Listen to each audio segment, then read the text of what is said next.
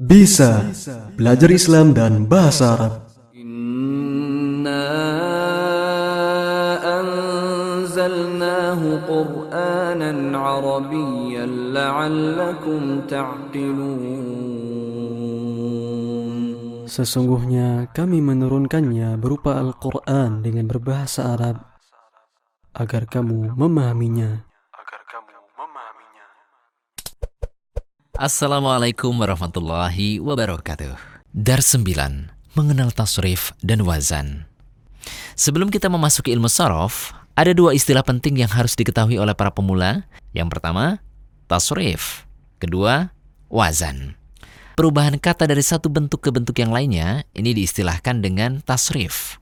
Misalnya dalam bahasa kita, kata makan bisa berubah jadi makanan, memakan, pemakan, dimakan, termakan, dan sebagainya. Hanya saja dalam bahasa kita, tidak ada aturan baku soal perubahan kata ini. Adapun bahasa Arab memiliki 10 bentuk perubahan, yaitu fi'il madi, contohnya alima, fi'il mudhari, contohnya ya'lamu, masdar, contohnya ilman, isim fa'il, contohnya alimun, isim maf'ul, contohnya ma'lumun, fi'il amar, contohnya i'lam, fi'il nahi, contohnya la ta'lam, isim zaman, contohnya maulidun, isim makan, contohnya masjidun, isim alat, contohnya mistoratun. Akan tetapi untuk tiga bentuk kata terakhir, kita tidak bahas dalam pelajaran untuk pemula ini. Karena sebagian besar bentuk kata tersebut merupakan samai, artinya berdasarkan apa yang kita dengar dari orang Arab.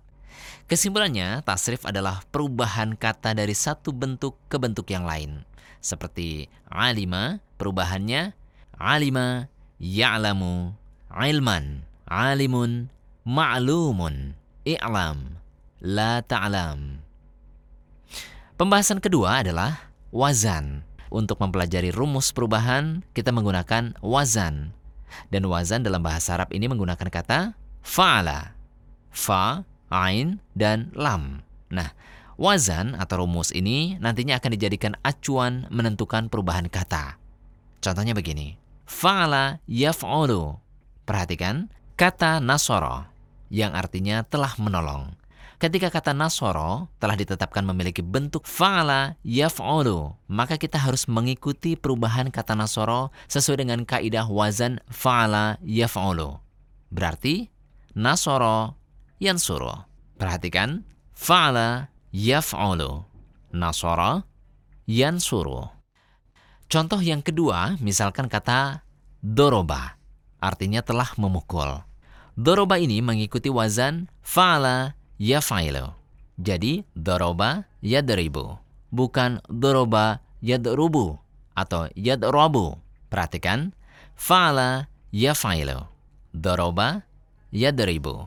Demikian pelajaran ringkas tentang tasrif dan wazan. Semoga bermanfaat.